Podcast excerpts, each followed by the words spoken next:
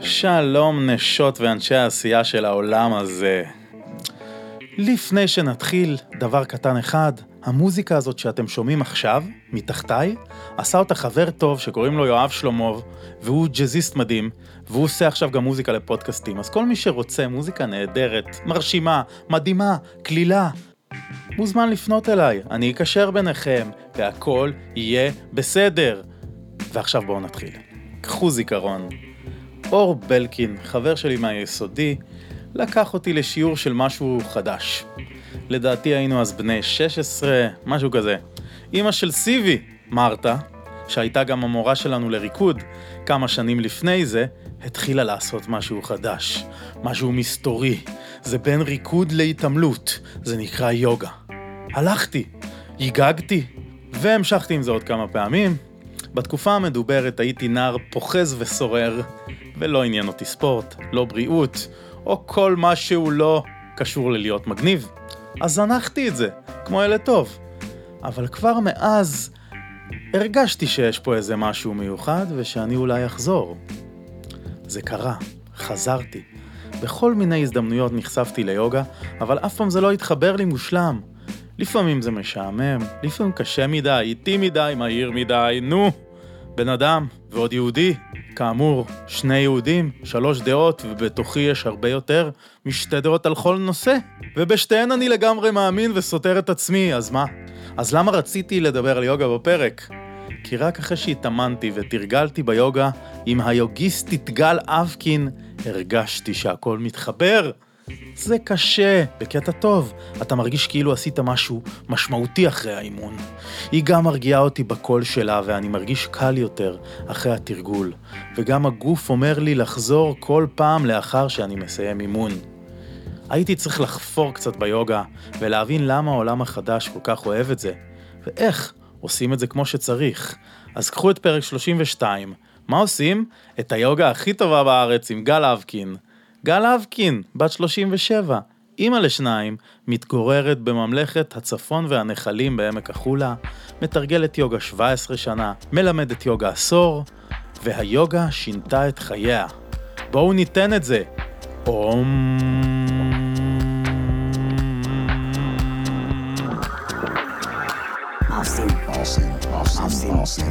יואו יואו, מה עושים?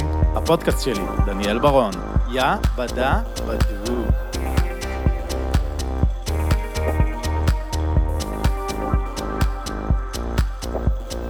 שלום שובבות ושובבים, הגענו למה עושים. והפעם נתחיל עם תרגיל נשימה שתעביר לנו גל אבקין, האורחת להיום. צהריים טובים, אז למי שלא נוהג, אבקש שתעצמו את עיניכם. מי שנוהג, כמובן, ידיים על ההגה, עיניים על הכביש. אנחנו נתחיל לנשום. פשוט נשימה פשוטה, שאיפה ונשיפה, בקצב שלכם. אבקש מכם לשים לב לקצוות של הנשימה. זאת אומרת, לרגע הקטן הזה שיש בסוף השאיפה, ולרגע הקטן הזה שיש בסוף הנשיפה. אתם ממשיכים לנשום בקצב שלכם, עם תשומת לב לסוף השאיפה ולסוף הנשיפה. מעין עצירה קטנה כזאת בסוף השאיפה, כשאתם מלאים לגמרי באוויר רגע לפני ההוצאה החוצה, ועצירה קטנה בסוף הנשיפה, כשאתם ריקים לגמרי מהאוויר, רגע לפני ההכנסה פנימה. שאיפה ונשיפה.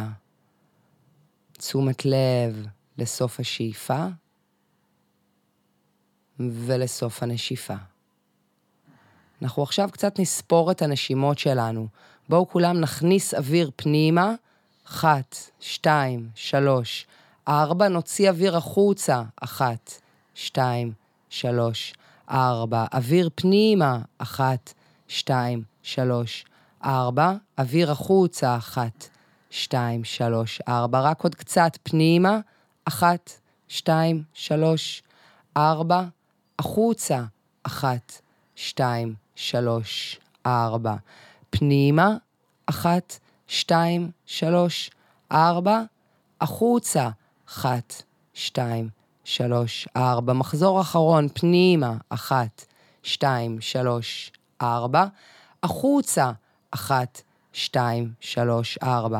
עכשיו שאיפה פנימה על ספירה של שמונה, אחת, שתיים, שלוש, ארבע, חמש, שש, שבע, שמונה, להוציא מהפה.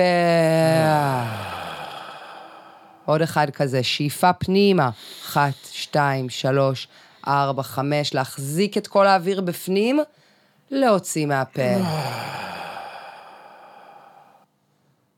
תודה לכל המשתתפים בניסוי, זה כנראה היה דקה וחצי שבה לא חשבתם מחשבות, כי פשוט הייתם מרוכזים מדי בנשימה שלכם.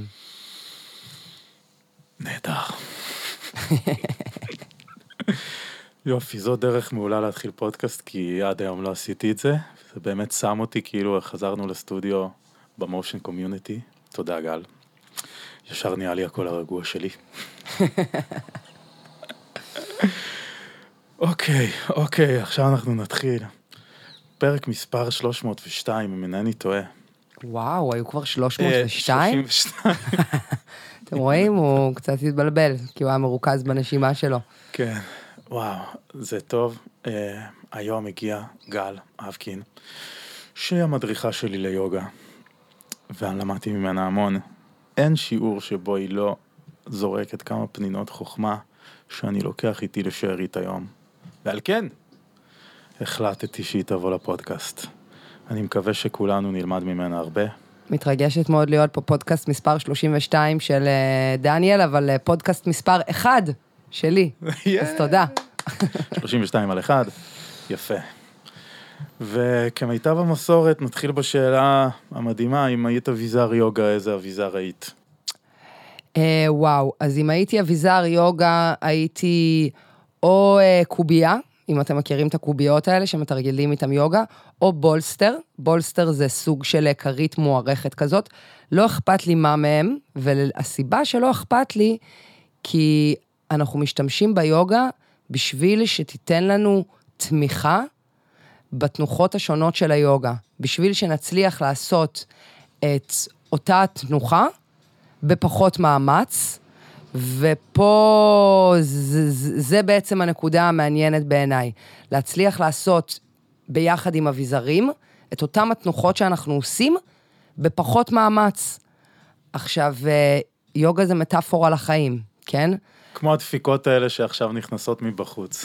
למשל, רק כן. אני ואתה בטח שומעים אותם, אה, אבל הנקודה שאני רוצה לגעת בה היא, הלוואי והיינו יכולים לעשות את כל פעו- הפעולות שאנחנו עושים ביום-יום שלנו, עבודה, חברים, ילדים, לארח, לשטוף כלים, לבשל, לטפל בגינה, הלוואי והיינו יכולים לעשות את כל הפעולות שאנחנו עושים ביום-יום שלנו בפחות מאמץ.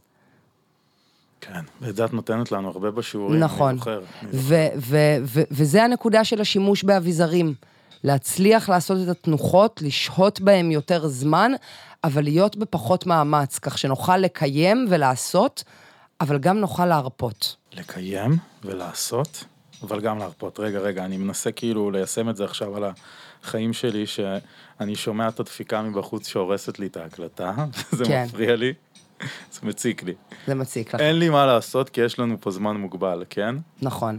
אז איך, איך, אז אני מנסה פשוט לחי... לקבל את זה, וכאילו... אז היוגים היו אומרים שאתה יכול להחליט שאתה מתבונן בה מבחוץ. כן, יש פה עבודות בקיבוץ דפנה, אחד הקיבוצים הכי יפים בגליל העליון, ואתה אתה שומע אותם, אבל הם, הם לא משפיעים עליך.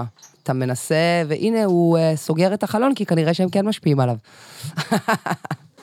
חייב, חייב. דניאל, אתה מדי פעם תצטרך לעצור אותי, תרגיש חופשי, כי אחרת אני פשוט כזה דברי, אני פה אמשיך בשביל להקשיב. במונולוג ארוך.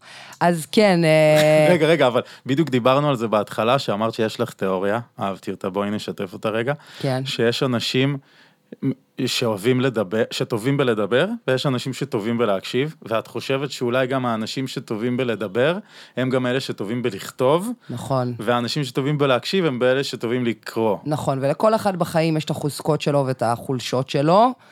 התרגול המדהים שאנחנו צריכים לעשות בתור בני אדם, זה לדעתי לאהוב את עצמנו עם החוזקות שלנו ועם החולשות שלנו. אה, ואני, אחת החולשות שלי זה בלקרוא. כן. אה, התחלנו לדבר על זה כי ראיתי את כל הספרים הנפלאים שיש פה בסטודיו משרד אה, אולפן הקלטות אה, של דניאל. אז כן, אני חושבת שיש אנשים שיותר טובים בלקרוא ובלהקשיב ובלהיות בפנים, ויש אנשים שיותר טובים בלדבר ובלכתוב ובלהיות בחוץ. ואני יותר בבחוץ. זהו, ואני אמרתי לך שנראה לי זה גם למה יש לי פודקאסט, שאני מאוד טוב בלהקשיב, וגם זה מתחבר לי עם זה שאני די טוב בלקרוא רוב החיים, בשנתיים האחרונות טיפה פחות באמת. היה תקופה, עברתי לצפון, לנווה עתיב, וחשבתי שאני אכתוב ספר, בסוף כתבתי מחזה בכלל, וקראתי מלא, קראתי כל הזמן, ואז ירדתי פה לעמק, וכאילו כל החיים נהיו טרללה, וכאילו, כזה, בזמן האחרון אני רק חוזר לקרוא שוב. כן. עכשיו אני קורא את הגל השלישי של אה, אלווין טופלר, איך קוראים לו?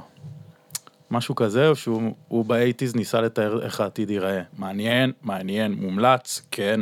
לא יודע עוד מה יהיה הסוף, אבל בסדר. אני עכשיו קוראת את uh, חנן הגנן, הארנב שהקשיב, הבית של יעל, ושלל uh, סיפורים לגיל הרך.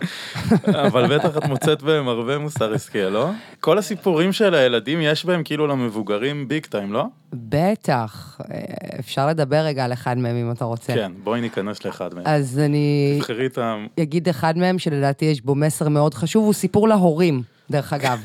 הוא לא סיפור לילדים. הוא נקרא ארנב שהקשיב, בקצרה. ילד בנה מגדל, המגדל נשבר. הילד בקרייסס מאוד רציני. באות כל מיני חיות ומנסות לעודד את הילד. אחת אומרת לו, בוא נבנה עכשיו הכל מחדש, אני אעזור לו.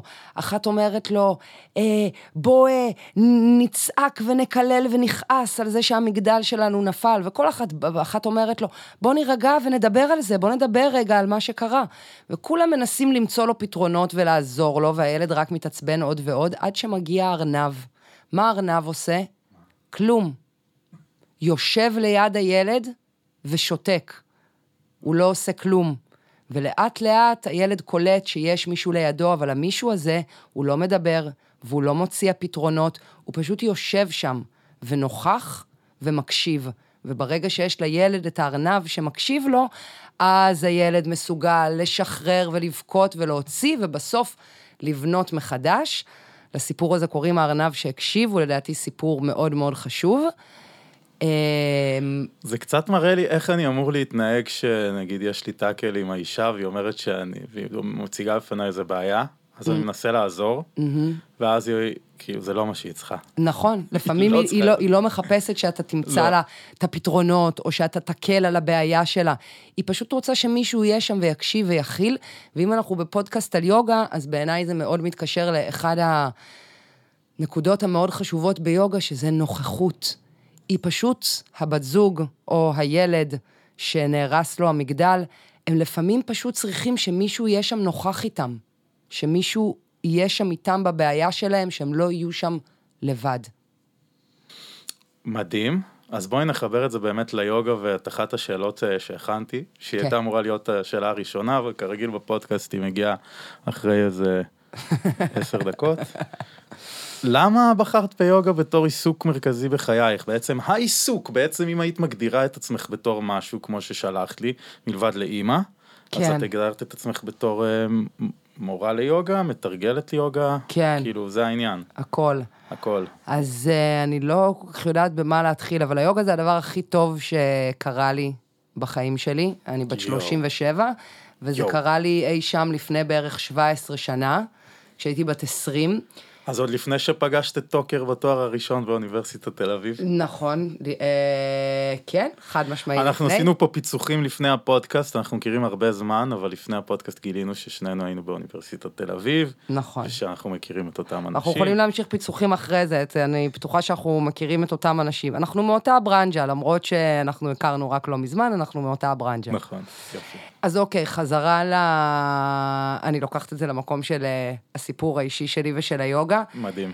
אמ, אני לא יודעת מאיפה להתחיל, כי יש כל כך הרבה דברים, אבל גיל 20, אני עושה אה, יוגה על אה, חוף הים התיכון, עם איזה חבר שמתרגל יוגה, שהדריך אותי. חוף הים התיכון בישראל הכוונה? חוף הים התיכון בישראל, כן. אה, בהרצליה, אני הרצליאנית אה, בשורשיי, עברתי מממלכת הים התיכון לממלכת הנחלים הגלילית, אבל אה, אני בראש ובראשונה הרצליאנית מחוף הים. ומה שקרה שם זה שאחרי אה, כלום, נראה לי 20 דקות של תרגול יוגה על חוף הים, ילדה בת 20, פתאום הרגשתי, אפשר להגיד פה הכל, נכון? הכל, פתאום הכל. הרגשתי מסטולה ברמות. וואו. עכשיו אני אומרת לעצמי, מה זה? אבל לא שתיתי כלום, ולא עישנתי שום דבר, ולא צרחתי שום דבר. מה, יכול להיות שפשוט ה-20 דקות יוגה האלה גרמו לי לתחושת הסאטלה הזאת? ואז אמרתי, וואו, אני אוהבת את זה, ומשם התחילה דרכי בעולם היוגה, ואז גיליתי עוד כל מיני דברים, אני אציין בעיקר שתיים מהם. כן.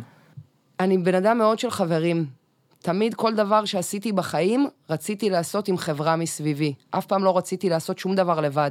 הכל רציתי לעשות עם אנשים. וואי, תובנה מעניינת. היוגה זה הדבר הראשון בחיים שלי שרציתי לעשות לבד. לא רציתי שאף אחד שאני מכירה יבוא איתי לשיעור יוגה. רציתי ללכת לבד.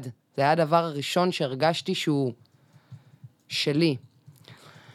אמ, ומעבר לזה, אם ככה השאלה הייתה למה יוגה, אז uh, לכולנו, בתוך הראש, בין שתי האוזניים, יש איזשהו מחול בלתי פוסק של מחשבות. אצל חלקנו זה מחול מהיר, אצל אה, חלקנו זה מחול איטי יותר, אצל חלקנו זה בלט קלאסי, לחלקנו זה טרנסים בתוך הראש, אבל לכולנו יש איזשהו מחול בתוך הראש. טכנו גם, אני מבקש, לא רק טרנסים גם. אה, טכנו זה so overrated, אבל אה, לא, לא... פופ קוריאני. ואני מרגישה שהיוגה עוזרת להשקיט את המחול הזה, והמחול הזה זה לא החיים האמיתיים. לא. כן, המחול מחשבות של דניאל זה החיים שלו, והמחול מחשבות של גל זה החיים שלה. אבל יש משהו הרבה יותר גדול הרי מהחיים של דניאל ומהחיים של גל. ואני חושבת שכולנו לפעמים על מנת להירגע, להוריד הילוך, לחוש איזושהי תחושת התעלות, לחוש איזושהי תחושת חיבור, צריכים ללמוד איך להשקיט קצת את המחול הבלתי פוסק הזה שבתוך הראש שלנו, והיוגה זה כלי נהדר לעשות את זה. מקסים אותי, מקסים אותי. מה שאני, עלה לי בראש כשאת תיארת את זה, זה שיש אנשים שאינם חשים את הסאטלה הזאת כשהם עושים יוגה. ואז הם כזה, אני מכיר הרבה כאלה, הם כזה אומרים, מה זה, זה כאילו עדיף כבר לעשות אימון רגיל, מה עכשיו יוגה? בסדר גמור, כאילו אחלה. זה מעניין, אה, אה, כאילו, אה, איך צריך לבוא לאנשים כאלה, אולי באמת גם לא מתאים להם יוגה, לא לכולם נכון, בהכרח זה מתאים. נכון, אני כאילו. חושבת שכל אחד אה, שנורא חשוב לעשות פעילות גופנית, ומעבר לזה, בוא, שנת 2021, כולנו יודעים שפעילות גופנית אינה רק בשביל הגוף. כולנו יודעים שכשאנחנו עוסקים בפעילות גופנית, קורים הרבה מאוד דברים פיזיולוגיים בתוך הגוף, אה, משתחרר אדרנלין, סוף אימון, גם אם עשינו את האימון הכי קשוח בעולם עכשיו, איזה שעה של קרוספיט או ספינינג וזה, כולנו יודעים, מסתיים האימון, יש לנו איזושהי תחושת אושר ורוגע ואיזושהי שלווה. אז שכל אחד יעשה את מה שעושה לו נכון. אחד אוהב לרוץ, ואחד אוהב לשחות, ואחד אוהב יוגה. אני רק כן אגיד לכל אלה שטוענים שהם לא מתחברים לעולם היוגה, שינסו כמה וכמה פעמים עד uh, לפני שהם אומרים שהם לא אוהבים יוגה. כי להגיד אני לא אוהב יוגה זה כמו להגיד אני לא אוהב עוגה. עכשיו יש עוגת תפוזים, עוגת שוקולד, עוגת או, תותים. עוגת שיש, עוגת מרציפן. או, כל אחד אוהב משהו אחר. אז את מובילה אותי בדיוק לאחת השאלות שמאוד מעניינות אותי. אולי את תוכלי קצת לעזור בנושא, לפחות בכלליות, אני יודע שאת לא אנציקלופדיה ליוגה. כן, אני אוכל. כאילו, אמרנו יש עוגת תפוזים, יש עוגת אה, וניל, יש עוגת שיש. נכון. ספרי לי את הדברים האלה ביוגה, כי אני אף פעם לא הבנתי, אם אפשר הכי, הכי בקצרה והכי לאידיוט, שאין לו מושג בזה, שפעם אחת ולתמיד אני אבין, כי גם יכול להיות שאני עשיתי פעמים ראשונות יוגה, עשיתי יוגה שהיא לא כל כך התאימה לי, לעומת זאת, שבאתי אלייך ליוגה, אמרתי וואו. ואת יודעת שאני בא לפחות פעם בשבועיים, פעם בשבוע, כאילו, תמיד מנסה לשלב את זה בין האימונים שלי. ולפני זה לא היה לי את החיבור הזה. כן.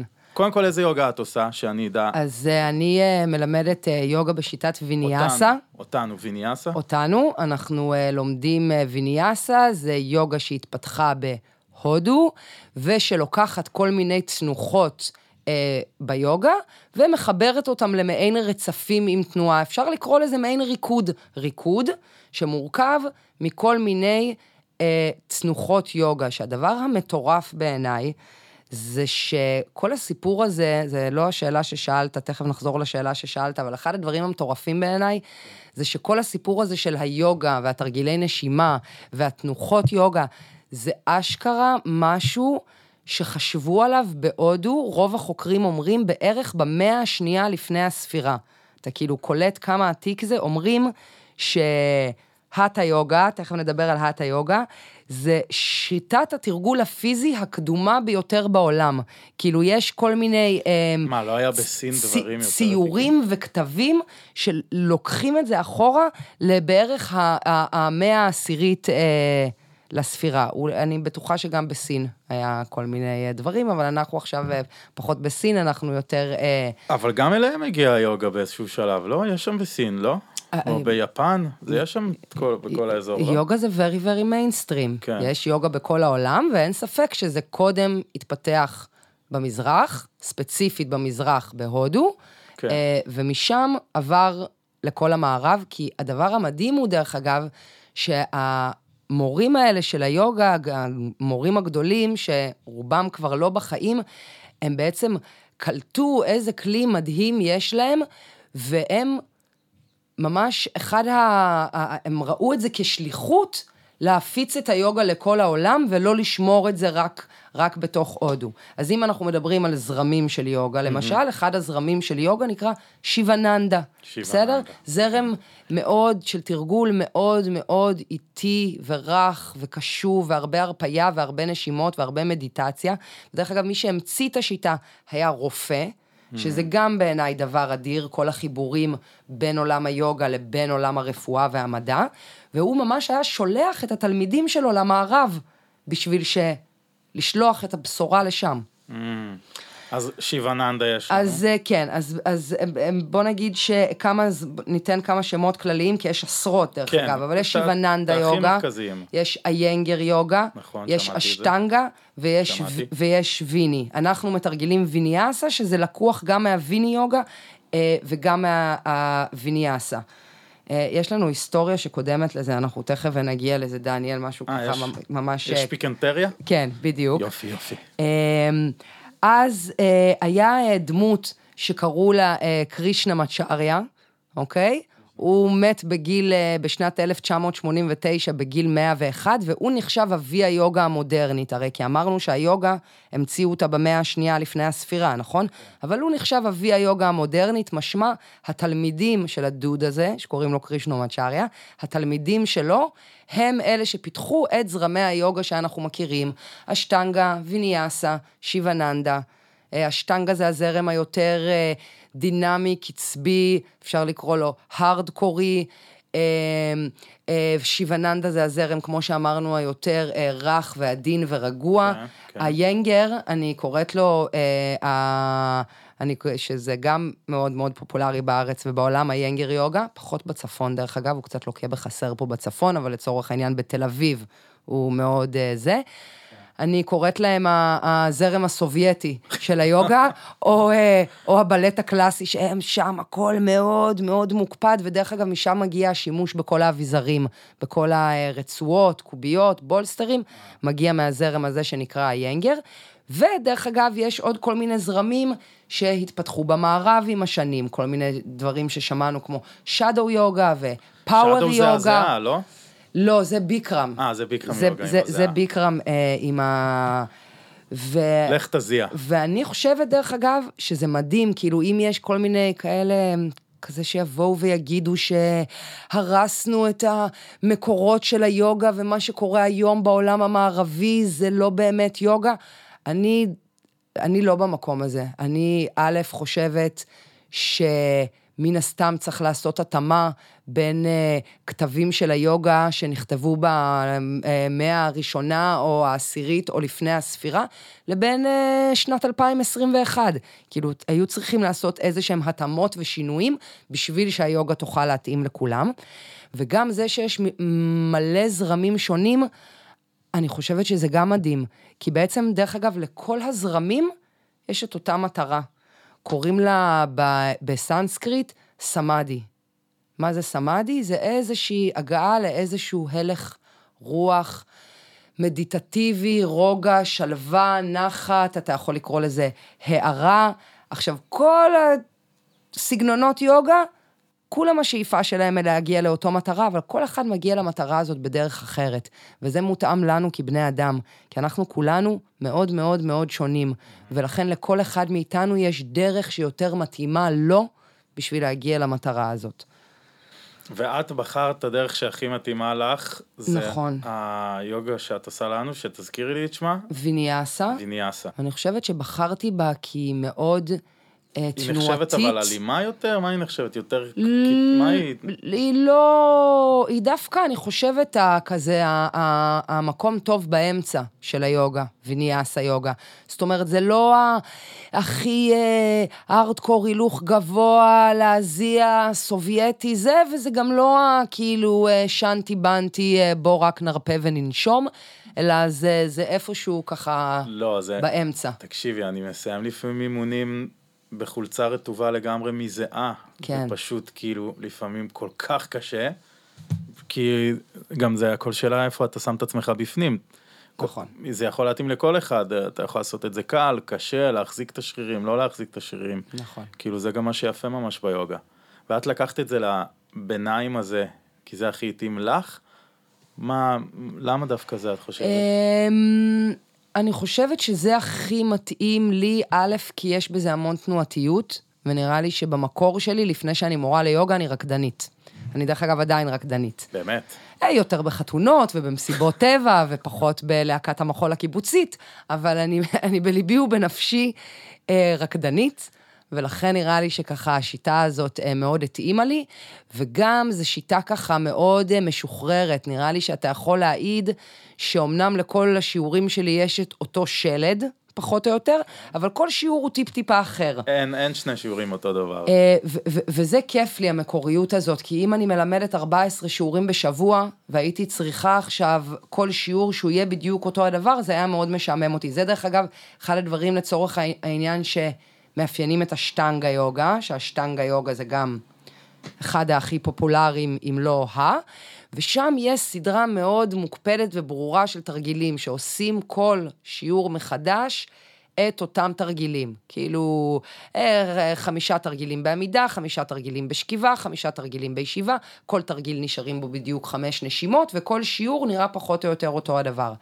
קשוח. אותי זה משעמם, כן. אבל אני גם, דרך אגב, מאוד מאוד מבינה את המשמעות של זה. יש משהו שאתה חוזר על אותו הדבר כל הזמן, אתה מאוד רואה את ההתפתחות שלך בתוכו.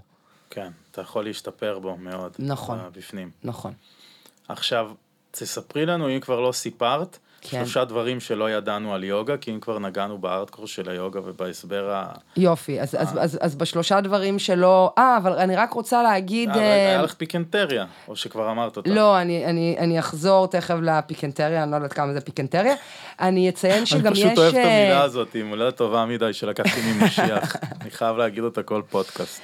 אני גם אה, אציין שיש אה, שיטות יוגה מדהימות שפותחו בארץ, כמו למשל אה, יוגה נשית. זאת שיטה שהיום לדעתי לומדים אותה בהרבה מקומות בעולם, והיא ממש אה, פותחה בישראל על ידי אה, גברת שנקראת מירה ארצי פדן, ובעצם פיתחה שיטת יוגה מיוחדת לנשים, שלוקחת בחשבון את המחזור החודשי ואת הווסת ואת ההיריון ואת בעיות פוריות וכל מיני דברים כאלה.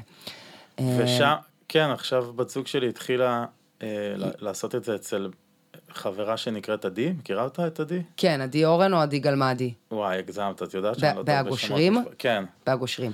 אז uh, הנה, אני אכניס פה המלצה למורה שאהובתך מתרגלת אצלה, כן, קוראים לה עדי אורן, היא גרה באגושרים, והיא מורה ליוגה נשית, והיא uh, מהממת. יס.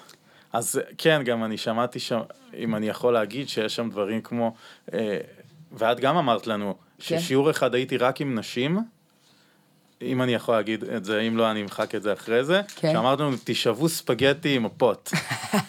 ואני נכון. כזה, אוקיי, אוקיי, אני, אני, אני אעשה את זה. נכון, אני נכון. אעשה את זה, ועשיתי את זה. אז אה, אחרי זה סיפרו לי, אגב. זה גם משהו, דרך אגב. זה משהו שכל המאזינים יכולים לעשות תוך כדי האזנה. אני משערת שכולם שמעו בחייהם את המונח רצפת האגן. נכון. כן, שמעת את המונח כן. הזה, או, או רק ממני? כן, כן, כן. רצפת האגן זה קבוצה של שרירים שנמצאת באזור איפה שאיברי המין שלנו נמצאים.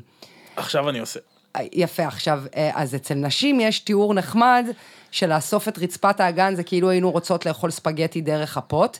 אצל גברים אמרו לי שזה מרגיש כאילו אתה מתאפק שלא יצא לך נגיד אה, פלוט, ספוק, ואתה אוסף משהו למעלה וזה קצת מזיז את שק האשכים שלך מעלה וקדימה. כן, כן. אני בטוחה שכל מי שמאזין עכשיו עושה את זה אני עושה את זה עכשיו חייב. תוך כדי שאני מדברת איתך אוכלת ספגטי מהפוט. כן, אבל זה גם כזה מביא לך לעצום, כאילו לסגור אוויר, למה? זה קצת מקצר את הנשימה. כן. אה, אני לא יודעת אם אתה רוצה שניכנס לתוך כל האנטומיה של זה, אבל בגדול, כשאנחנו אוספים את רצפת האגן שלנו כלפי מעלה, כן. יש פחות מקום לאיברים הפנימיים לרדת למטה, ואז כשאנחנו מכניסים אוויר פנימה בשאיפה, זה משחרר יש, את זה קצת. יש, יש, אה, יש פחות מקום לשרעפת לרדת למטה. אז כן. כן, אתה צודק, כשאנחנו אוספים את רצפת האגן שלנו, זה קצת מקצר את הנשימה שלנו. אוקיי, מעולה, מעולה. אז את אתה נתת- ממש צודק. אז נתת לנו פה שני דברים שלא ידענו על יוגה, שאחד זה... לא, אנחנו עוד לא שם אה, בכלל, הגענו. עוד לא רגע, שם. היה יוגה נשית שהמציאה הגברת... אה, מירה ארצי פדן. מירה ארצי פדן, שיש אה, גם מורה ליוגה פה בצפון, שתיים יש, לשתיהם קוראים עדי. לשתיהם קוראים אבל, עדי. אבל אני הכי ממליץ בכלל פה על גל.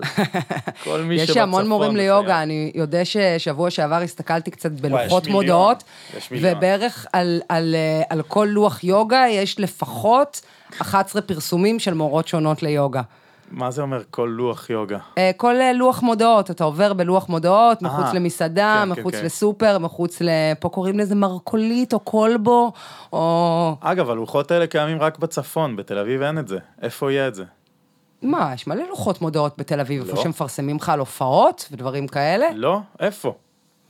תני לי אחד. אני לא יודעת. זה רק פה בצפון, מחוץ לכלבו, יש לוח מודעות, אין נכון, את זה במרכז. נכון, יש. נראה לי. איפה יש? מפרסמים באינטרנט. הופעות? באינטרנט, באינטרנט, בפייסבוק, אה, אינטרנט. באינסטגרם, אז, בטוויטר. אז אה, כמה דברים שלא ידעתם על יוגה. אה, אחת, היוגה, לפני שהיא פותחה כהתרגול הפיזי שאנחנו מכירים היום, היוגה היא פילוסופיה. אחת משש הפילוסופיות הגדולות בהודו. בהודו יש בעצם שש פילוסופיות גדולות, הם דרך אגב, הם לא קוראים לזה פילוסופיה, הם קוראים לזה דרשנה, שזה שם מדהים בעיניי. דרשנה? כי אתה- כן, כי אתה יודע מה זה דרשנה? דרשנה זה בעצם איזושהי נקודת מבט. איזושהי נקודת ראייה. אז במקום לקרוא לזה עכשיו אה, אה, פילוסופיה, או תורה, או איזה תנ"ך, או משהו כזה, הם בעצם, יש להם שש נקודות מבט על העולם. שש דרכים לראות את ההוויה שלנו בעולם. אחת משש הדרכים האלה היא יוגה. אז היוגה התפתחה בתור פילוסופיה, עכשיו ניכנס עוד טיפה ל... טיפ-טיפה לעומק. כן, כן. בתוך הדבר הזה שנקרא אה, יוגה ונקרא פילוסופיה, אה, יש ענף שנקרא אסנה. אסנה זה תנוחה, וזה מה שאנחנו מכירים, וזה מה שאנחנו מתרגלים בכל הסטודיואים, פה בעמק החולה, בגליל העליון, בתל אביב, זה מה שאנחנו מתרגלים. אסנות של יוגה, אה, תנוחות של יוגה. קיבלתי. אמ, מה עוד? אני אספר, אחד הדברים המגניבים ש, שקורים בה, שמתרחשים בכמה עשורים האחרונים, שאני לא יודעת אם כולם יודעים על זה, שאם יוגה פעם היה... ברור שכולנו כבר יודעים שיוגה זה מיינסטרים, וזה כן. כבר לא איזה משהו איזוטרי שרק כל מיני רוחניקים מוזרים אה, שחזרו מהודו מתרגלים, אנחנו כולנו יודעים את זה, אבל יש היום המון המון כניסה של יוגה לתוך המוסדות ולתוך הרשויות, וזה אני לא יודעת אם כולם יודעים, שיש אה, יוגה בבתי ספר, ויש יוגה בגנים, ויש יוגה בקופות חולים, ו- ויש, ויש יו... בטח, לבן שלי יש יוגה בגן, לא נכון. כן, כן. בתור שיעור? מה זאת אומרת? כן, כן. מה, מגיעה מורה כן, ליוגה לתינוקות? כן, ו- ל- למורה, שזה ההתמחות שלה, יוגה לגיל הרך. כן. אה, ויש כמעט בארץ בכל הבתי חולים במחלקות האונקולוגיות, כמעט יש מורה ליוגה. אמ, כי יש היום המון אה, מחקרים בעצם שמראים, מחקרים מדעיים שנעשו ואושרו, שבעצם יוגה יודע אה, אה, להרגיע רמות של סטרס, יודע לעזור במצבים של כאב כרוני, אז יוגה נכנס לבתי החולים, ויוגה נכנס לקופות החולים. קראתי עכשיו איפשהו שבבתי החולים בהודו, מטפלים בחבר שלנו, סתם לא חבר שלנו, אה, אה, בקוביד 19, בחולי קורונה, אה, מטפלים אה, ביוגה. אה, גם בקטע של הפחתת סטרס וגם בקטע של אה, תרגילי נשימה אה, לבריאות הריאות. קראתי... אה, וואו, יפה. קראת... אגב, אני אמצא כל מיני מאמרים ואוסיף אותם באינפו למי שרוצה לראות את ההוכחות. מהמם. קראתי שיש איזה בית חולים אה, פסיכיאטרי בארץ, שמשתמשים בו ביוגה כאמצעי מקדים לכל מיני דברים מזעזעים לא עלינו של אה, קשירות וכל מיני דברים כאלה, כאילו אם יש לך מטופל, חולה נפש, ואתה רוצה לעזור לו להירגע, אז משתמשים ביוגה ככלי הרגעה. אה, וזה, וזה מדהים לראות את זה. עכשיו בואי באמת ניכנס לסוגיה אחת שמאוד מעניינת אותי, כי זה גם היה בפודקאסט הקודם שהיה על נשימה עם אסף, כן. אה, מיודענו, מהסטודיו, אסף אסטינגר. חשבתי על זה, אמרתי שהוא בטוח היה, היה אצלך. הוא היה כן. כבר פעמיים אגב. וואו. הוא היה פעם אחת שדיברנו פשוט על אימונים ותנועה ו... כן. move because you can, משהו כזה. כן. והשני שהיה ממש אה, לא מזמן, היה על נשימה. וואו. ואז היה הטייק שלו של נשימה בתור, את יודעת, בן אדם שהוא לא רוחני בכלל, הוא מאוד כזה מאמן, זה, זה, והבן אדם ישן עם סלוטייפ על הפה, שאגב ניסיתי ואהבתי את הסלוטייפ, אבל אני עדיין מנסה. בטח, כבר שנתיים. אין לתאר אותו. אין, אין, הוא, אמ, הוא, הוא כאילו מטורף, הוא מטורף, והוא, אני ניסיתי, עדיין זה לא השתלב לי בשנה. סלוטייפ על הפה, ואז בבוקר מדיטציה בדן באפס מעלות. כן, את זה אני דווקא כן עושה הרבה, ואם אני, אין לי כוח ללכת לדן, אז אני פשוט עושה במקלחת, והמים קפואים פה. כן. אז לתת את השתי דקות, בקיצור, הבאנו את הנשימה מהצד שלו, שזה מאוד כזה אינפורמטיבי, מאוד כזה מדעי יותר, ולפי ספרים שהוא, ופחות כן. מהקטע היוגיסטי, אבל מעניין אותי לשאול אותך. תביאי את הטייק שלך על נשימה, והקשר בין יוגה. אז ניתן שתיים, שלוש דקות על נשימה, והקשר בין יוגה לנשימה. שלח לי את הקישור, דרך אגב, לפודקאסט של אסף על נשימה, מאוד מעניין אותי. בדוק. כן, אפשר גם רגע באמת אה, לתת פה כבוד לאסף פסטינגר, בעלים של אה, סטודיו מושן בעמק החולה, שבעצם בין השאר, גם אצלו אני מלמדת יוגה, וככה זכיתי ב... אה, דניאל שדרנו בתור תלמיד. את רואה איזה פודקאסט גלילי זה? זה הפך להיות הפודקאסט הגלילי של ישראל, אני מחליף את המיתוג. מה עושים? הפודקאסט הגלילי של ישראל. כן, בואי נמשיך. אז אה, אוקיי, אז מה, מה הקשר בין נשימה ליוגה? היה בחור מאוד מגניב, פשוט חייבים להכניס את זה, אי אפשר לדבר על יוגה בלי לדבר עליו. כן, מי זה? קוראים לו פטנג'לי. אה, אני שמעת את השם פטנג'לי? כן, פטנג'לי, את סיפרת לנו עליו. הדבר המגניב לגבי פטנג'לי, שהוא, הזהות ההיסטורית שלו היא לא באמת ידועה, כאילו יש המון מסתורין סביב הדמות הזאת, אבל הוא כתב איזשהו טקסט, שהטקסט הזה הוא סוג של התורה של היוגה, ממש 196 פסוקים שמדריכים אותך צעד צעד מה זה יוגה, דרך אגב, על הצד ה... הפיזי והנפשי והמנטלי. וואו. Um, הכל מתי ביחד. מתי הוא כתב את זה, גל? אז חוקרים מסוימים, אה, אה, סברה אחת זה שהוא אה, כתב את זה במאה השנייה לפני הספירה, וסברה שנייה זה שהוא כתב את זה במאה הראשונה או השנייה על הספירה. אוקיי. אמ, כאילו ואתם ישן, יודעים, אני, ואני אמנם אומרת, כאילו, דמות שזהותו ההיסטורית אינה ברורה, זה נשמע אולי כמו איזה בדיה, אבל זה לא, זה אמיתי, יש, יש כאילו ספר שהוא, שהוא כתב, מישהו כתב אותו. אמ, אז הוא בעצם אה, מדבר שם, ושם ככה נכנס הדגש הראשוני בין עולם היוגה לעולם הנשימה, אה, זה שהוא מדבר שם על שמונה איברים של היוגה. ליוגה יש שמונה איברים. ליוגה? בתור תורה יש שמונה איברים? שמונה איברים. וואו. כן. אוקיי. אמ, איך, אני לא יודעת אם זה מעניין אתכם שאני אתן לכם את כל השמונה איברים, אז אני, רק, אז אני רק אגיד, אוקיי. אז האיבר הראשון והשני קוראים להם ימה וניאמה, זה גם קצת מכניס אותנו לפילוסופיה של היוגה. ימה וניאמה זה מעין סייגים פנימיים וסייגים חיצוניים שעל פיהם אנחנו צריכים לחיות. מה הכוונה? אוקיי? ימה לצורך העניין, זה סייגים חיצוניים. ודרך אגב, אותי עניין לראות שזה האיבר הראשון, דווקא הסייגים החיצוניים. וזה מעניין אותי כי אנחנו בסופו של דבר, אנחנו לא חיים לבד בתור, בתוך מערה. אנחנו חיים בתוך חברה ובתוך סביבה. ולכן זה מאוד יפה בעיניי, שלאיבר הראשון זה הסייגים החיצוניים, כלומר, מה הכוונה בסייגים חיצוניים? מה אומרים אמ, עליי, מה חושבים עליי, כאלה? לא. אה, חושים. אי פגיעה, אמירת אמת, וואו. אה, אי חמדנות. לא, בקיצור, לא לגנוב, לא לשקר, לא לפגוע, אה, אוקיי? אוקיי, זה כמו עשרת הדיברות של היוגה? נגיד, כן. אז אמרנו, איבר ראשון, סייגים חיצוניים, איך אנחנו מתנהגים, אה, איך אנחנו מתנהגים כלפי חוץ. אנחנו לא גונבים, אנחנו לא משקרים, אנחנו לא אוקיי. פוגעים. איבר שני, סייגים פנימיים. איך אנחנו, אה, איך אנחנו מתנהגים כלפי פנים. לדוגמה, שביעות רצון.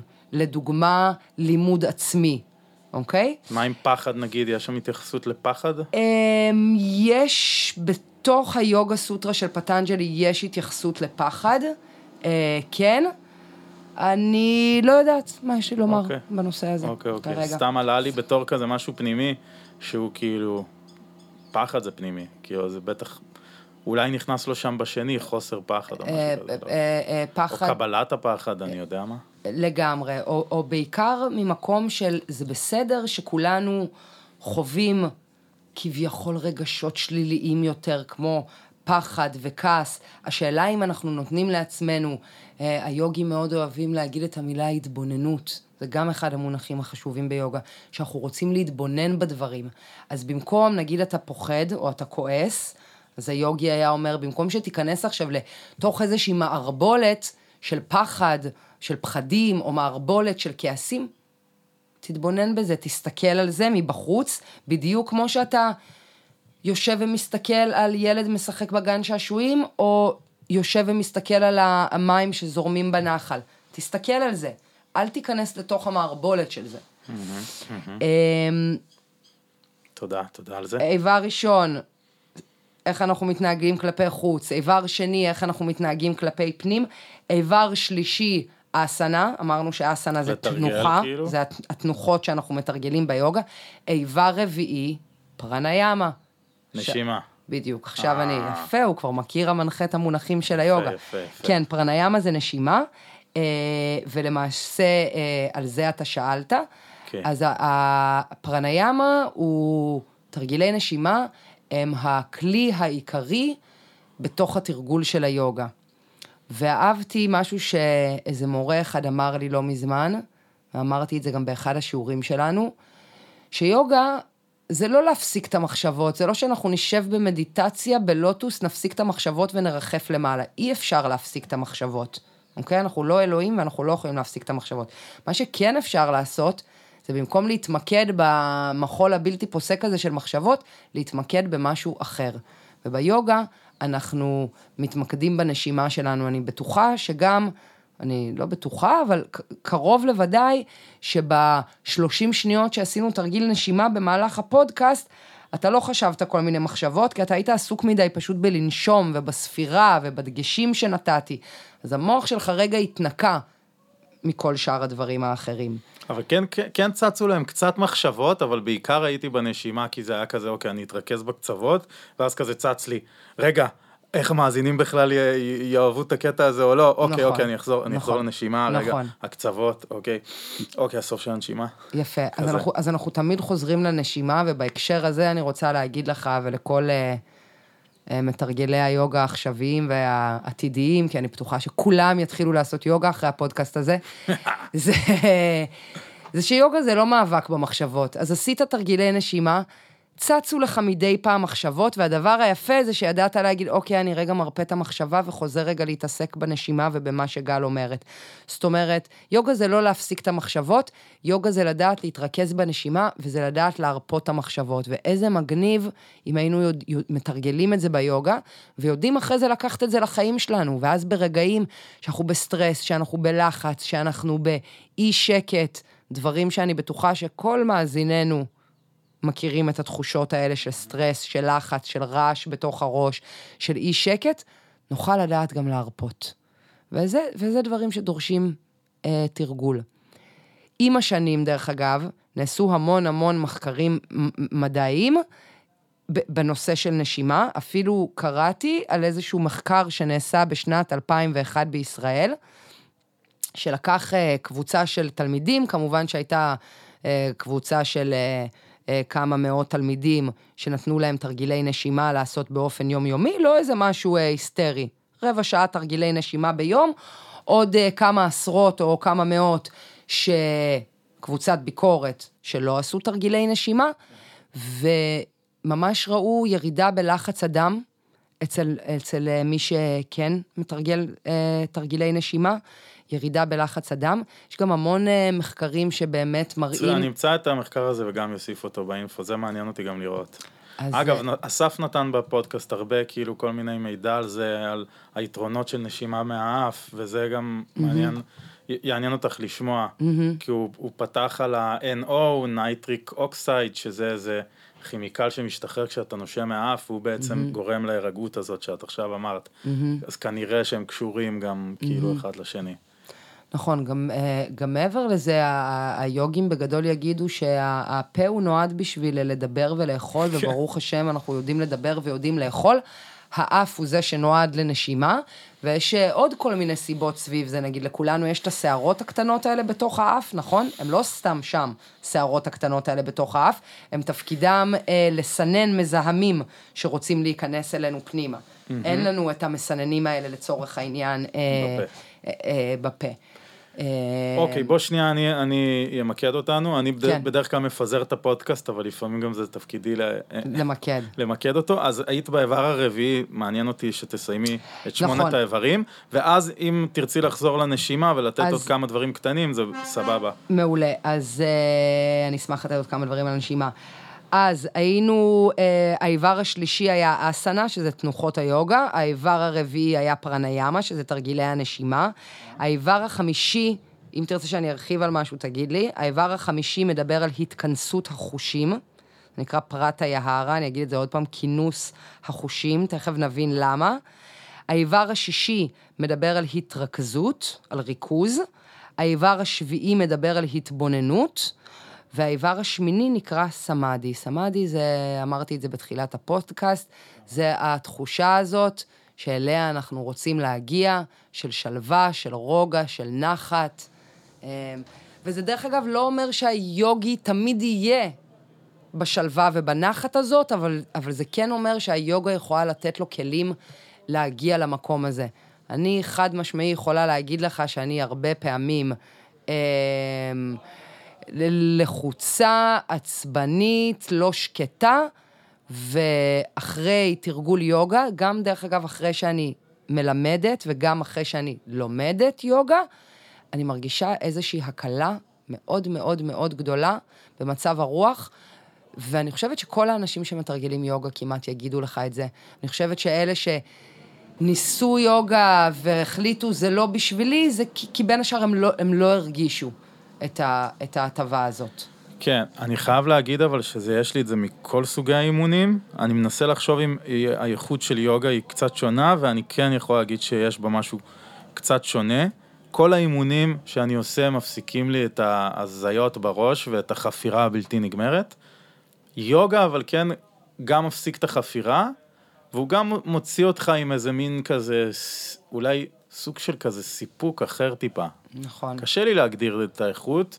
אני חושבת שזאת אחת הסיבות, דרך אגב, שיוגה נהיה כזה מיינסטרים וכזה תופס, כי בעצם יוגה עושה איזשהו שילוב מאוד מיוחד בין הגוף לבין הנפש.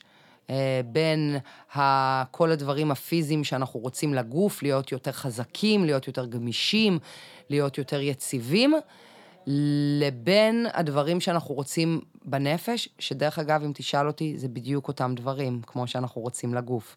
אנחנו רוצים נפשית להיות יותר חזקים, יותר גמישים ויותר יציבים. אה, אז זה ממש ככה בעיניי אה, הולך ביחד. בול, בול, בול, זה בדיוק זה. ו- ובכלל, אני חושבת שאחת הסיבות שיוגה נהיה כזה, כאילו כולם בעניין של יוגה, זה שבאמת יש ביוגה משהו מאוד אוניברסלי, כי היא, היא, היא לא, זה לא איזה דת, אלא זה, זה ו- ו- והיא לא מתבססת על אמונה.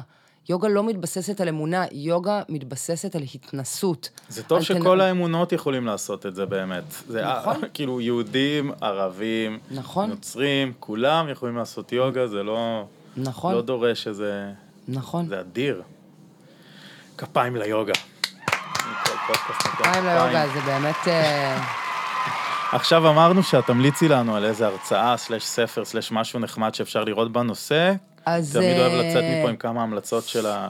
אז אה, אני אספר, אני חושבת שזה בעיקר באמת יעניין אנשים שמתעסקים בגוף נפש. אני אה, אה, בסתר אה, מעריצה מורה שקוראים לה אה, מיכל ירקוני. למה בסתר? אה, כי בסתר התכוונתי כי היא לא יודעת שאני מעריצה אותה, ואנחנו לא נפגשנו כל כך הרבה פעמים. אה, אני פשוט אה, הייתי בכמה שיעורים שלה, ומאז אני עוקבת אחרי ההרצאות שלה ביוטיוב. וואו. אז תרשמו לעצמכם, איך, מיכל, יר? מיכל ירקוני, אוקיי. יש לה המון הרצאות סופר מעניינות בעיניי. אה, ביוטיוב. מרצה ליוגה כאילו? על מה היא מרצה? היא, היא אחת המורות הבכירות ליוגה בארץ. היא בשנים האחרונות אה, מתמחה בכל מיני נישות, בין השאר אה, מתמחה ב, אה, ביוגה ל... מיכל ירקוני? כן. עשו עליה כתבה גם ממש יפה בכאן לא מזמן. אמ, ואחת ההתמחויות שלה בשנים האחרונות זה אה, יוגה רגישה לטראומה. זאת אומרת, היא מטפלת באנשים עם פוסט-טראומה על, אה, על ידי יוגה. אמ, מעניין. ואנחנו. בפודקאסט גלילי, והיא צפונית וגלילית. אין על הגליל, אין על הגליל. אז אני אוסיף, קודם כל אני אוסיף את המיכל ירקוני הזאת באינפו. דבר שני, יש לך מלא שיעורים ביוטיוב. ש- נכון. דרך המושן קומיוניטי. נכון. גם אותם אני אוסיף לאינפו, כי אני עשיתי נראה לי את כולם. איזה אין, כיף. זה אדיר, זה אדיר. אז- הרי היה את הקטע של הארדקור קורונה לפני שנה, נכון. שכל ה- כל הסטודיו עבר לזום, נכון. וכאילו אני חגגתי על השיעורי נכון. יוגה. זה היה אז, מטורף. אה, אז אחת מנפלאות הקורונה באמת זה שלא יכולתי, אה, סטודיואים ליוגה נסגרו ופחות יכולתי ללמד אה, תלמידים פנים מול פנים וככה לחלוק איתם את הכיף ואת הבלס של היוגה. אז הקלטתי מלא שיעורים ביוטיוב, אה, רשמו פשוט אה, באנגלית גל יוגה. ו... וזה נחמד, אני עדיין מדי פעם מקבלת הודעות שכאילו עושות לי את היום של פתאום איזה תלמידה שמצלמת לי, אני מתרגלת פה בנפאל, אני פה בים המלח בזריחה עושה תרגול עכשיו. מדהים. אז תקשיבי, אני, הפודקאסט עומד להסתיים. לא את אימא- באמת, אני מרגישה כאילו הרגע התחלנו, שתדע. את, כן, את אמרת לי שאת אימא ואת מעוניינת שנסיים כמה דקות לפני כדי שתוכלי לאסוף את הילדים, אז נכון. אני אארוז אותנו כמה שאלות, בואי ניתן אותם בשורה, כי חפרנו יופי יופי, עכשיו בשורה. כן. משהו שלמדת מהמתאמנים שלך, מהמתאמנות שלך. משהו שעולה, אמ, לחבק ולראות כל אחד באופן אישי, ולהתעניין, וכאילו, זה, זה, מה שהמפגש מול אנשים אמ, מביא אותי אל, וכמה חשוב לכולנו שרואים אותנו. אז גם אם יש שיעור שיש בו 25 תלמידים, ז- היי, אני, כאן, לראות את כל מי שנמצא מולי, לראות, להכיר, להרגיש אותו, את המצב רוח שלו. כן, נקסט. וואי, אין לך מושג כמה את צודקת, כאילו שאת עושה את זה, כמה זה טוב נותן למתאמן, אז כאילו אם למדת את זה מהמתאמנים, זה כאילו וואו, וואו, קרנבל של אה, טוב ויופי. מה את לומדת בימים אלה? דבר חדש שאת לומדת, אם ביוגה, אם מחוץ ליוגה. אמ, אז האמת שבימים אלה אני עושה איזשהו, אפרופו דיברנו על אה, ספגטי מהפוט ועל אה, להרים את אה, שק האשכים מעלה כן. וקדימה. בדיוק עושה את זה. אני עוש- עושה קורס שמתקשר לשרירי רצפת האגן ושרירי הבטן, ממש פה בביתך, בקיבוץ דן. אמ, אז זה, זה מה שאני לומדת. כרגע, ובעיקרון בשנים האחרונות, אני uh, very very fascinated מעולם האנטומיה. אנטומיה, איך fucking כל הדבר הזה עובד. מה קורה עם הגוף? כן. קשה לומר. איך זה בנוי? זה מטורף בעיניי.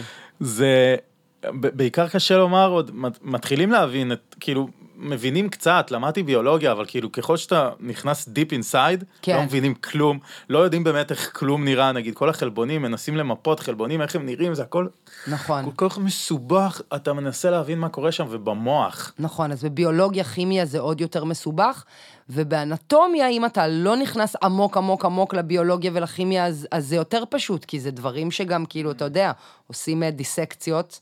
דיסקציה זה איזשהו, אה, דיסקציה זה איזשהו אה, אה, ניתוח של גופה לצורך אה, מחקר ולימוד.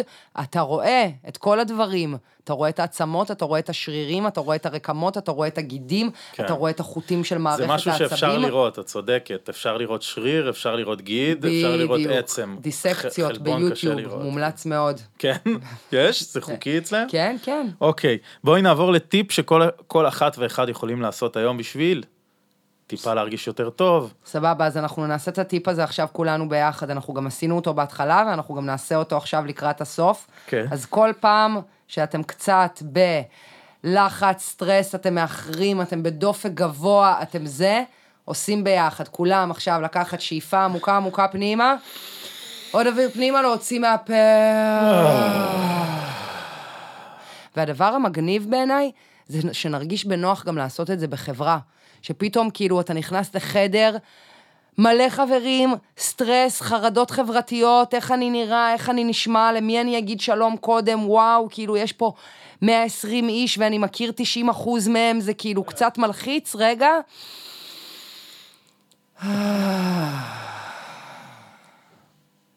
את מכניסה את זה הרבה בשיעורים, אני שם לב, ובאמת זה אולי חלק מהדברים שעוזר בסופו של דבר לעשות את חיבור, אני חושב, אם הייתי עושה אימון כושר, והיו אומרים לי את הדברים שאת אומרת, תוך כדי האימון. כן. זה גם היה יותר רוחני קצת. נכון. משנה, מעניין, מעניין, יש פה איזה עניין. טוב, הגעתי לשאלה הכי קטנה ופשוטה, שאנחנו גם נותנים אותה באלטרנטיבה, הפודקאסט השני. כן. וזה מה המסר שלך לעולם, בשורה אבל. בשורה. השאלה הכי קלה בפודקאסט. זה, אבל אם זה יהיה בשורה, זה יישמע נורא אה, קלישאתי. רוחני, פלצני, קלישאתי. נכון, אז מה? זה... אז תני שלוש שורות, בסדר? זה... ארבע שורות. זה לאהוב את עצמנו ולהבין שכולנו אחד, זה בשורה אחת. אה, אני מסכים ממש. אני חושבת פשוט שלאהוב את עצמנו זה אחד האתגרים הכי גדולים שיש לנו. אני חושבת שרוב האנשים עסוקים כל הזמן בביקורת עצמית, ב"אני לא מספיק טוב, אני לא מספיק חכמה, אני לא מספיק יפה, אני לא מספיק רזה, אני לא מספיק מוצלח, אני לא מתפרנס מספיק. ואני חושבת שהחוסר האהבה העצמית הזאת שאנחנו כל הזמן משליכים על עצמנו, גורם להרבה הרבה הרבה מאוד רעש בראש שלנו.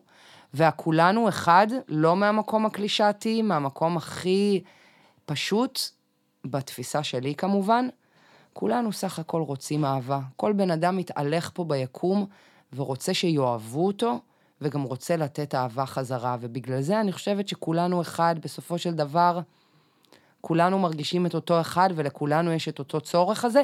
אז תיתנו מלא מלא מלא מלא מלא מלא מלא אהבה לעצמכם ואהבה החוצה. אני, אני אחזק אותך בזה שכולנו כדור ארץ אחד, כאילו. זה פיזית נכון, אין פה, אין, אי אפשר להתווכח עם זה. כולנו הדבר האחד הזה שנקרא כדור הארץ. מה תעשה? תתחת, תכסה, או שלא תכסה. ובכל מקרה, הגענו לשאלה האחרונה, וזה איפה אפשר למצוא אותך. אה, אם יש יוטיוב אני אוסיף כמובן, אם יש אינסטגרם, פייסבוק, אה, איפה שאת נמצאת שם. מהמם, אז, אה, אז דניאל ישתף אתכם באמת בקצת תרגולי יוגה שלי מהיוטיוב, אני ממש אשמח, ומעבר לזה, בשביל למצוא אותי, אה, כדאי לכם לעבור להמקום הכי כיפי, מגניב, יפה ונעים במדינת ישראל, הלו עמק החולה. Yeah. Uh, שם ניתן למצוא אותי, מלמדת במעיין ברוך, דפנה, נאות מרדכי ועוד כל מיני מקומות אה, באזור. רגע, ואין אבל פייסבוק, אינסטגרם שאת אה, אה, מפעילה? אז יש... אה, אם אין, אנחנו נתחיל לעבוד על זה. יש אה, דף פייסבוק, אה, קוראים לו באופן מאוד פשוט גל יוגה, ואני בדיוק שוקלת להעלות את ה... את ה... זה הראשון שלי, אני לא יודעת אם קוראים לזה, להעלות ר- תמונה ראשונה לאינסטגרם, אולי עכשיו כחלק מהפודקאסט הראשון שלי, אני גם אעלה את התמונה הראשונה שלי לאינסטגרם. חייב, באיחור אופנתי, ממש אופנתי. אבל עדיף מאוחר ממש מאשר אף אופנתי, פעם. כאילו ע- עד שאני אתחיל להשתמש באינסטגרם, הוא כבר יצא מהאופנה וכבר יש כבר- משהו הוא אחר, הוא כבר כן. יצא, הוא כבר חזר, הטוויטר יצא, הטוויטר חזר, טיק כן. טוק, לא יודע כבר, בטח יש משהו חדש שאנחנו אפילו כבר לא, עדיין לא מודעים אליו. אבל כן, אני אומר, תעשי תמונה, אנחנו עכשיו נעשה סלפי של תמונה פה. ווואי, תודה על פודקאסט, מה זה כיף, מה זה למדתי מלא, אני שמח שעשינו אותו מאוד, תודה שבאת. פודקאסט ראשון, נתת אותו, וזה, אני קורא לזה ניצחון. חברות וחברים, אנחנו נסיים פה. עוד אין לי, אין לי catching phrase לסוף, כמו ב-up to us באלטרנטיבה, אבל אז אני אגיד לכם שתהנו, וכמו שגל אמרה, תאהבו. ביי ביי. ביי. כן, כן, כן. זה היה טוב, אה? אין דברים כאלה. וואי, כן, אה? יופי, יופי של גל, יופי של פודקאסט. עכשיו אנחנו נתקדם להמשך החיים שלי, להמשך החיים שלנו. כל אחד מכם ששרד עד לכאן הוא מלכה בפני עצמו. פרק הבא אנחנו נדבר על קריפטו, ובינתיים אתם מוזמנים להשאיר לי כל מיני דברים שמעניינים אתכם, דברו אליי, תשאלו אותי איך היה הפרק, מה אהבתם, מה לא אהבתם, הכל נמצא באינפו, כולל לינקים לכל מה שהיה בפרק. אז יאללה יאללה, בוא ניתן את זה, בוא ניתן את זה. החיים מצוינים.